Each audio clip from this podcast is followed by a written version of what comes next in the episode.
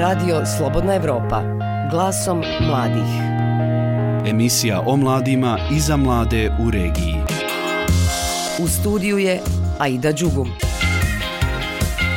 Srdačan pozdrav, poštovani slušatelji. Dobrodošli u emisiju Glasa mladih koja se bavi problemima, ali i uspješnim primjerima i pričama mladih ljudi iz cijelog regiona. Čućemo njihova mišljenja o različitim temama, jer naš cilj je da govorimo vašim glasom. Radio Slobodna Evropa. Glasom mladih. Emisija o mladima i za mlade u regiji. Uvažavanje tuđih ideja, stavova i načina života znači biti tolerantan. Upravo o tome koliko se u društvima poput Bosansko-Hercegovačkog, Srpskog i Crnogorskog poštuju različitosti, koliko većina uvažava prava onih drugih i drugačijih koji su u manjini, govorimo u ovoj sedmičnoj emisiji Glaso mladih. Biti tolerantan znači biti osviješten o različitosti u odnosu na nas same i prihvatiti to u svakodnevnom životu. No, na suprotnoj strani tolerancije su predrasude – Kako anketirani mladi ljudi iz Tuzle, Budve i Beograda vide različitosti, kako doživljavaju druge i drugačije, poslušajte u narednim minutama. Glasom mladih. Emisija o mladima i za mlade u regiji. Prvo idemo u Tuzlu, a priču donosi Maja Nikolić. Mladi više uživaju u predrasudama prema drugom i drugačijim nego u prihvaćanju njihovih različitosti, smatra Benjamin Burek, student mašinstva iz Tuzle većina mladi, jel, onaj, podržava razvoj, dok su drugi već, ono, još živi onim 90. godinama, onim 90. dešavanjima, što njihovi roditelji, djedovi, nene, govori kako treba da mrze nekog drugu, zato što je druge vjere i nacionalnosti, boje kože, i onda to je malo neka teže djeci onaj, objasni zašto su neki drugačiji, zašto su neki posebni na neki način, jel, to je većinom danas teško nekima da objasnimo, dok jel, imamo tu neku grupu mladih koja se bori za ta prava da se svi izjednačimo, pokušavaju da edukuju drugi te koji živi dalje u tim danim dešavanjima gdje je njima normalno da se neko mrzi zato što je muslima, zato što nosi, zato što je srbin, ili što nosi krst, nosi mjesec, zvijezdu, šta god, to je jako nepno do današnje vrijeme, danas trebamo svi da se poštujemo. Onaj. Sad si mi u nezvaničnom razgovoru rekao da si i ti imao čak neka loša iskustva, zašto i na koji način? Pa ružno, zato što onaj, sam ja je ljevoruka osoba i onda je ono malo čudno neka bilo prifaciti u tu sredinu onaj desnoruki jer većinom sad su davaju desnoruke osobe dok sam ja ljevoruka onda je meni bilo neke stvari teže rato od drugih pa ali eto prilagodio sam se na kraju tu sredini ono morao sam jer ne bi mogao ništa drugačije onda napraviti. Absolventica Mirela Biković smatra da ni sustav u Bosni i Hercegovini ne tretira jednako svakog čovjeka. Mislim da je funkcionalni naše države sam dokaz koliko mi u stvarno prihvatamo drugačije i rašto, ovaj, a stvar sa raštim, jeste, ne moramo mi njega voljeti i družiti se sa ljudima koji su rašti od nas, ali moramo ih prihvatiti kao jednake. Moramo im dati mogućnost ovaj, da imaju jednaka prava kao i mi, jer zašto bi se oni raskoli od nas, jer za njih smo mi ti koji su raštiti. Kako je među mladima? To funkcionira sve. Mislim da su mladi mnogo otvoreni od starijih generacija, ali međutim, nažalost, posljednje ime se susrećem vjerovatno velikom uticaju koji nosi iz svojih domova i kako su odgajani, da mladi se počnu nekako zatvarati, svi žele nekako taj zapadni način života ovdje, ali ne prihvataju stvar koju je prihvaćena u zapadu.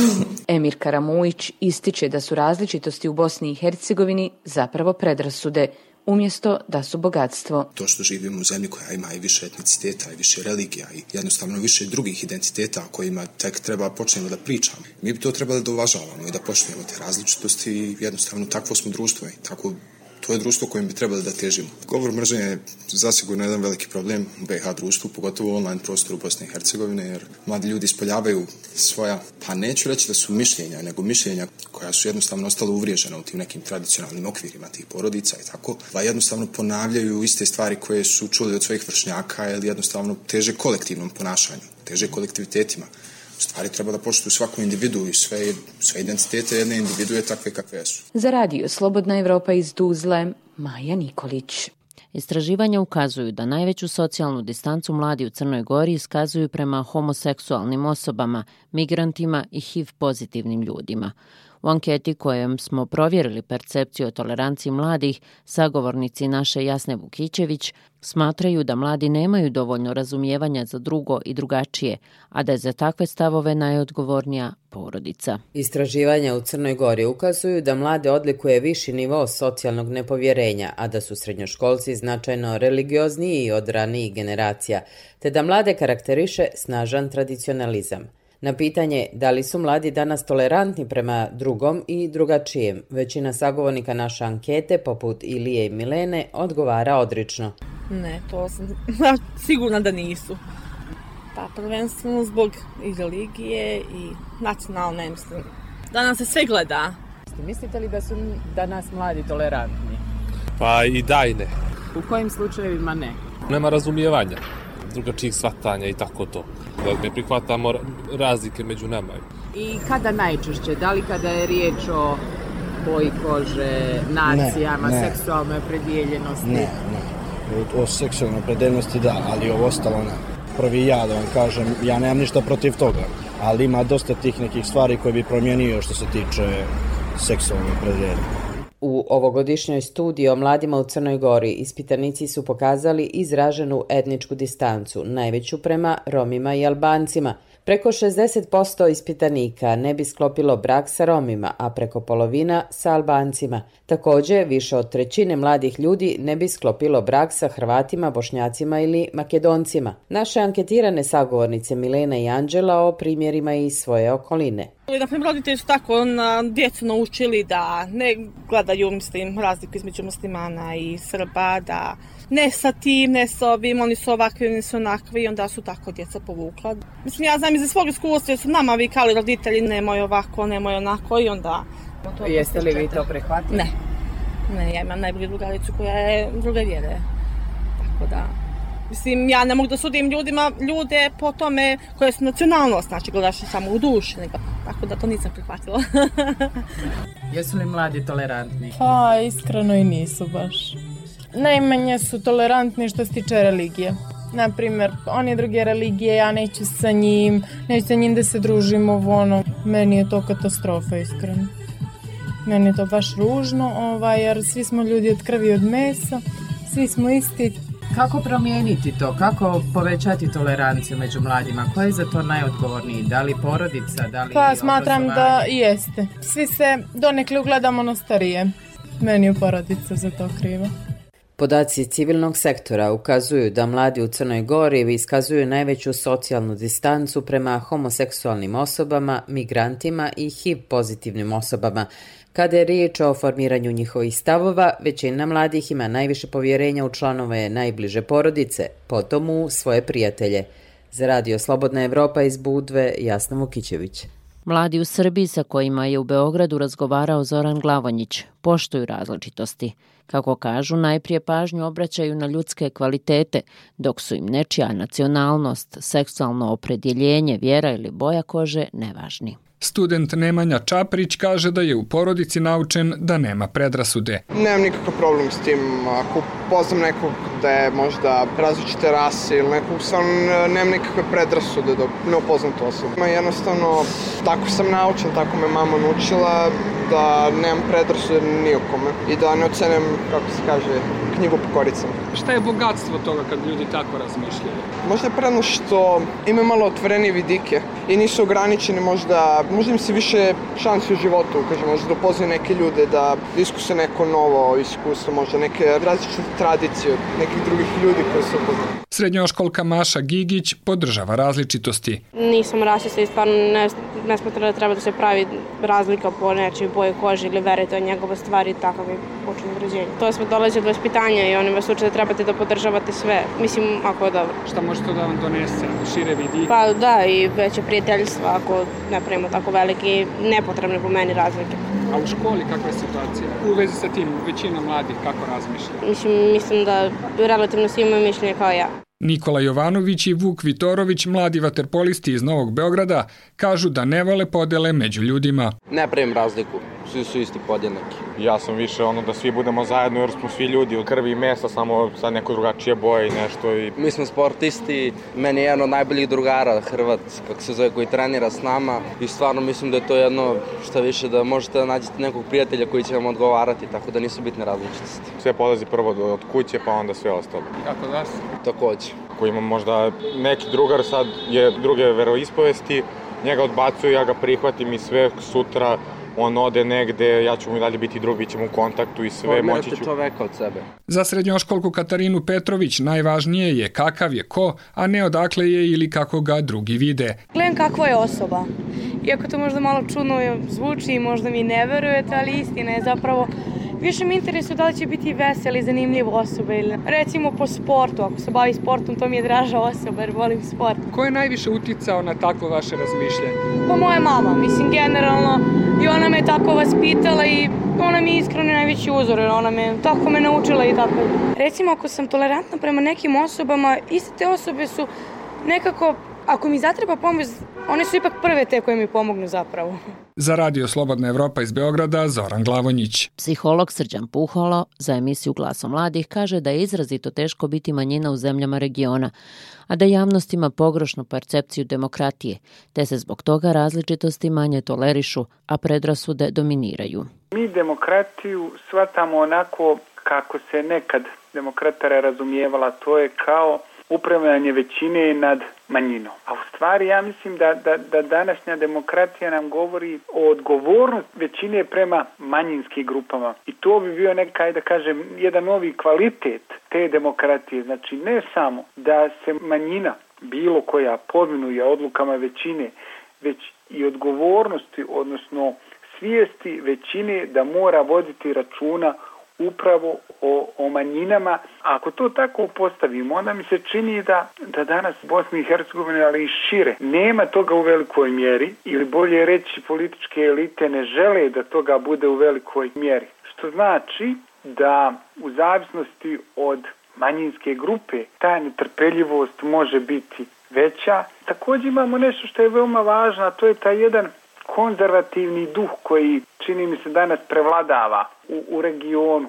Ali taj konzervativizam je prilično čudan. To je neka mješavina starog konzervativizma i neoliberalizma i onda vi prosto imate jednu, jednu čudnu mješavinu koja je, čini mi se, antihumana, antiljudska, što svakako utiče na poziciju manjinskih grupa. Ono što je tu veoma važno je da političke elite bi trebale da pokažu barem pristojnu senzibiliziranost za probleme manjinskih grupa. Nisam siguran da to domaća politička elita želi, jer oni žive od tih sukoba, oni proizvode sukobe da bi lakše vladali, a ko će biti žrtveni jarac, koja manjinska grupa, to nije važno. Danas je to LGBT, sutra će biti manjinska etnička grupa, prekstra će to biti e, neko treći taj sukob koji mi permanentno imamo na našim prostorima vrlo često je indukovan od strane domaćih političara, čini mi se nema veze sa realnošću, odnosno sa stvarnom netrpeljivošću. Bio je to psiholog Srđan Puhalo.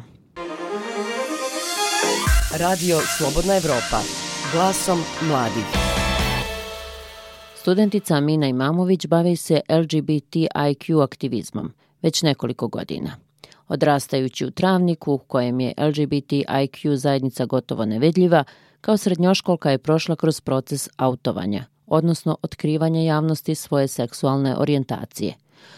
O položaju mladih koji su dio BH LGBTIQ zajednice i problemima sa kojima se susreću sa Minom je razgovarala Marija Augustinović. 20-godišnja Amina Imamović studentica je Fakulteta političkih nauka u Sarajevu i aktivistica u borbi za prava i prihvaćanje LGBTIQ osoba u društvu.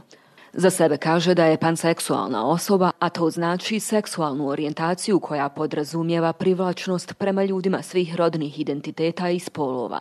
O svojoj seksualnoj orijentaciji Amina je prvi put javno progovorila kao srednjoškolka, prvo u razgovoru s prijateljima, a zatim i roditeljima. Mislim, u samom gradu, ja koliko znam, postoje, postoji ja i postoji još jedna osoba koja je sa auto, ovako da ljudi znaju za to. Mm, mislim, kao mene roditelji su išli iz, eh, prošle smo faze od, od potpunog ono neprihvaćanja pa do faze toleriranja. Ali imate roditelji koji će odmah ono prihvat djeteta u ovu seksualnost, dok onda imaju roditelji koji će ono prelaziti faze od šoka, pa ne znam, do doći na kraju do tog, nadam se, ono, kao prihvatanja potpunosti. Autovanje je, kaže Amina, za nju prvenstveno bio znak da je prihvatila samu sebe, što je ističe preduvjet za prihvaćanje od društvene zajednice. Svoju seksualnu orijentaciju nije skrivala ni kasnije, kada je iz Travnika otišla na studiju u Sarajevo. Za mene je značilo ono kao u potpunosti prihvatanje sebe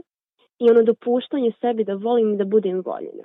Kada sam došla u Sarajevo da studiram, također sam autovana i na fakultetu, ovo društvo čitavo kolegi kolekcije, ono, znaju za mene i čime se bavim i sve, Mislim, one su sasvim okej. Okay. Svjesna činjenice da su teme o seksualnoj orijentaciji, izuzevo dominantno heteroseksualnoj, pogotovo u manjim gradovima i dalje tabu, Amina ističe da se većina mladih u takvom ambijentu teško odlučuje ohrabriti i krenuti njenim stopama. Zbog straha od neprihvatanja i osude okoline, mnogi smatraju da je skrivanje drugačije seksualne orijentacije najbolje rješenje. Žive čak i u strahu u kućama u kojima žive sa svojom porodicom. Imate slučaje LGBTIQ osoba koje izlaze iz prostorije ukoliko je nekakav prilog o LGBTIQ ili recimo sada o povrći spolnosti izaći iz prostorije da toga samo što ne bi ono kao da vode razgovor sa svojim roditeljima. Iako tvrdi da zbog svoje seksualne seksualne orijentacije do sada nije osjetila diskriminaciju među svojim prijateljima niti kolegama na fakultetu, Amina upozorava da je teško zanemariti činjenicu da je BH društvo izrazito homofobično. U praksi se LGBTIQ osobe susreću s brojnim problemima. Neki od njih su, kako kaže, manje šanse za zapošljavanje, kao i stalni osjećaj nesigurnosti i straha od nasilja zbog se prisutne mržnje koja dominira javnim prostorom. Ja ne mogu svoju partnericu držati za ruke dok mi šetamo gradom. Strah. Ja stvarno ne želim da mene neko napadne na ulici. Mislim, imate mnogo tih parova straight parova koji će se držati za ruke. Oni neće stvarno nikada u svom životu se um, susresti sa istim strahom s kojim se ja i sve LGBTIQ u stvari osobe susreću svakodnevno. Ono zadržati to u svoje četiri zida. Četiri zida u stvari jesu, jeste kavez. Za radio Slobodna Evropa iz Travnika, Marija Augustinović. Glasom mladih. Subotom u 15 sati, nedeljom u 18.30. U nastavku emisije donosimo razgovor sa producenticom Amrom Hadžihafizbegović, koja je u saradnji sa rediteljem Adnanom Lugonjićem snimila film Šmrk. Film je prikazan na ovogodišnjem Sarajevo Film Festivalu, a govori o problemima mlade generacije koje upada u vrtlog droge, kriminala, gdje roditelji, boreći se da prežive i zarade za hranu, ne posvećuju pažnju vaspitanju. No i kada mladi ljudi nastoje napustiti pogrešne obrasce i napraviti nešto od svog života, društvo im ne daje podršku. Više detalja donosi Mirna Sadiković. Riječ je o kratkom igranom filmu, diplomskom radu Amri Hadži Hafizbegović, koji daje posebno svjetlo na licemjernost današnjeg BH društva, u kojem, iako svi govore kako žele mladima napraviti bolje uslove za život, kako ne bi odlazili iz države, pokazuju upravo suprotno. Mladi se suočavaju sa brojnim preprekama da ostvare najosnovnija prava, poput prava na rad, objašnjava Hadži Hafizbegović. Bavi se ljudima sa margine, ljudima koji žele da naprave bolje stvari u životu, ali im društvo to ne dozvoljava i ta naša konstantna vraćanja ljudi u prošlost, šta su prije radili, kako su prije radili i tako dalje, ali sve je to krenulo iz mog viđenja kako roditelji sobstvenoj djeci ne daju da, da budu bolji. Ali onda je to bio jedan film zapravo gdje smo napravili jednu generacijsku priču, jednom momku koji imao problema i sa drogom i sa nekim drugim stvarima u životu i koji traži pomoć jer hoće da napravi jednu vrlo pozitivnu priču, ne samo za sebe nego za cijelu zajednicu u kojoj živi i susreće se na mjestima moći, mjestima vlasti sa svojim prijateljima koji su radili iste stvari kao on, ali su oni novcima ili nekim, neku moći mogli da zataškaju svoje dosije i sve ostale stvari. I niko ne želi jel, da mu pomogne i on se sam bori kroz to. Hadži Hafizbegović također napominje da je izbor ovakve teme bio u stvari njen bunt između ostalog i prema vjerskim zajednicama koje jedno govore kada su u pitanju mladi ljudi i njihov životni put, ali nisu spremni to sprovesti u praksi i oglušuju se o pozive u pomoć mladima koji, žargonski rečeno, skrenu s pravog puta. S druge strane, iako je BH društvo danas definisano kao društvo u kojem vlada nepotizam, činjenica da je Amra čerka najpoznatijeg i najnagrađivanijeg BH glumca Emira Hadži Izbegovića više joj je odmogla u prvim koracima producentske karijere. Meni je to kroz čitav život, ne samo na Akademiji scenskih umjetnosti, nego u nekom privatnom životu. Uvijek mi je to bio neki mač s dvije oštrice gdje se čovjek morao izboriti u, u tom društvu gdje kod nas ljudi apsolutno imaju, puni su predrasuda, ne samo za, za ljude koji se bave takvim vrstom posla, ovaj, pogotovo zato što im otac politički aktivan i ljudi su uvijek puni tih nekih predrasuda, ali mislim da je to meni pomoglo da se ja oslobodim i da kroz život kročim apsolutno bez ikakve vrste predrasuda prema bilo kome. Iako je produkciju i menadžment davno odabrala, Amra je svjesna da je filmska industrija u Bosni i Hercegovini suočena sa brojnim izazovima i da onima koji žele snimati filmove treba mnogo više truda i angažmana u odnosu na kolege, recimo u susjednoj Hrvatskoj. Mislim da je glavni i ključni problem to što mi ne samo u filmskoj industriji, to možemo reći za zdravstvo, to možemo reći za našu ekonomiju, za našu privredu, mi nemamo sistema koji može da regulira ta prava na jedan način koji bi svima donosio dobrobit. Mislim, svih zemalja u regiji, Bosna i Hercegovina je možda i, i, i zemlja koja ima najtalentiranije ljude u filmskoj industriji, a imamo najmanje novaca koji su izdvojeni fondu za kinematografiju. To je nešto što je stvarno onako tužno i poražavajuće. Hrvatska je možda najbolje te neke stvari riješila, povratak PDV-a zbog kojih mnogi neće da snimaju kod nas ovdje. Iz razloga što mi im ništa ne nudimo. Mi možda nudimo lijepe pejzaže i, i, i lijepe slike koje mogu da stanu u njihove kadrove, ali ljudi mogu takve veoma slične stvari da nađu u nekim drugim dijelovima planete. Pogotovo kad se radi te produkcijske stvari, kad se radi velike stvari, tu se priča o velikim novcima i ljudi žele da znaju na čemu su mi te stvari, apsolutno nemamo riješene i mislim da su to što prije treba riješiti. Ja sam zaista vidjela koliko se svi moji profesori, od profesorce Amre Bakšić, od profesora Dansa Tanovića, profesora Jovana Marijanovića, prvo to su ljudi koji iznimno dobro znaju da rade svoj posao i koji se apsolutno razumiju sve te stvari. Mislim, kada bi neko pozvao te ljude i rekao im, evo vi predložite, vi sastavite, po tom sistemu ćemo da radimo, mislim da bi mogli mnogo bolje da funkcioniramo ako govorimo o filmskoj industriji. Film je ušao u najužu konkurenciju Sarajevo Film Festivala, a plan je, kaže Amra Hadži Hafizbegović, za naša radio da na bazi ovog kratkog uskoro snimi i dugometražni film. Za radio Slobodna Evropa iz Sarajeva, Mirna Sadiković. 18-godišnja Milica Kos ovih dana odlazi na studiju u inostranstvo.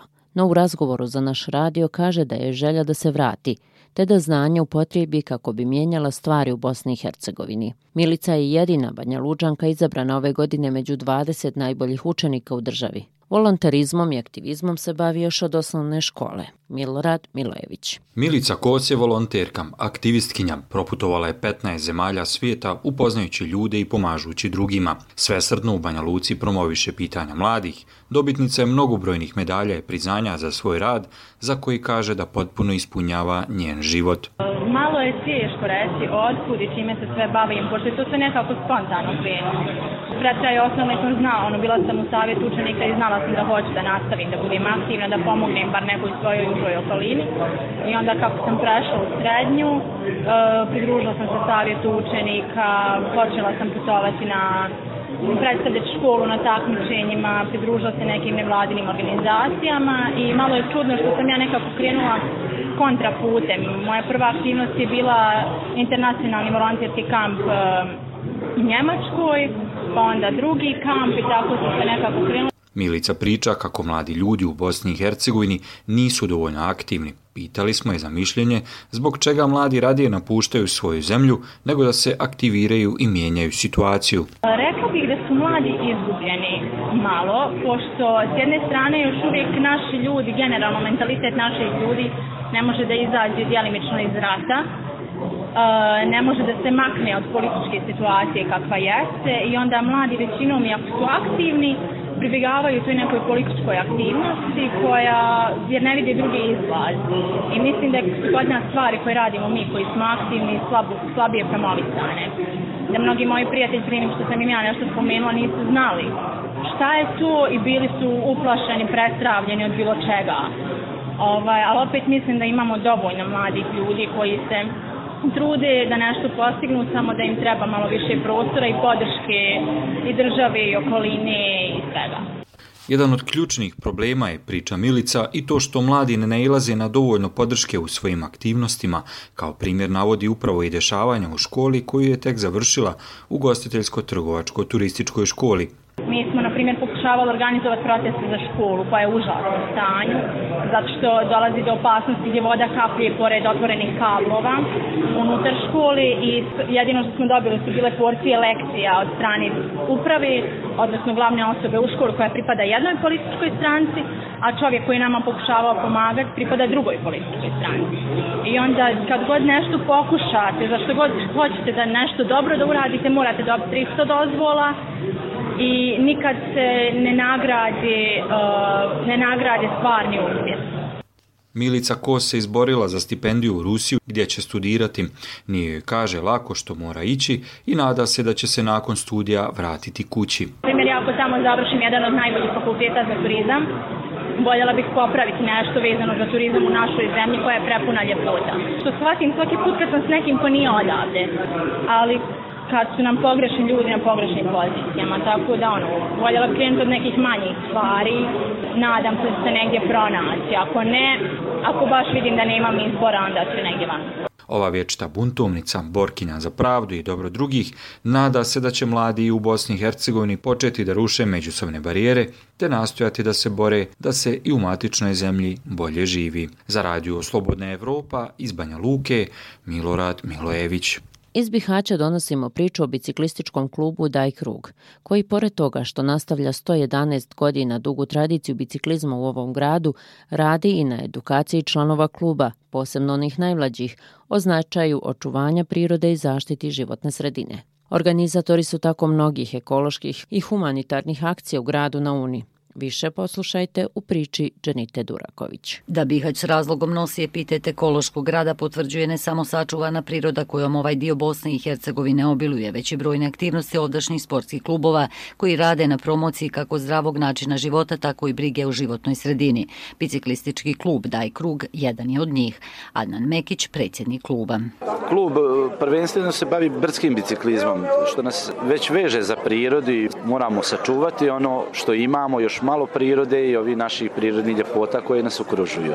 Brdsko-bicikliški klub daje krug kako ima za osnovu razvoj biciklizma i cikloturizma na naš, u našem gradu i na našem kantonu osnovno mu je očuvanje čovjekove prirode, tako da već tradicionalno zadnjih deset godina mi radimo na promociji našeg kraja, ali da bi to učinili moramo znači baviti se i ekologijom. A uz pripreme za takmičenje i organizaciju istih, klub svake godine organizira velike akcije čišćenja i uređenja biciklističkih staza. Čistimo ono što je od e, ideja koja je pokrenuta E, prije par mjeseci i evo ide u realizacije. Trenutno biciklističko trim staze pojasu Debeljača Sokolačka kula gdje smo zajedno sa aktivistima Gorske službe spašavanja e, klubom ekstremnih sportova Limit i članovi Daj Kruga trasirali i očistili stazu trim, a sad ide i samo uređenje sa tematskim mapama i mobilijarem na već predviđenim vidikovcima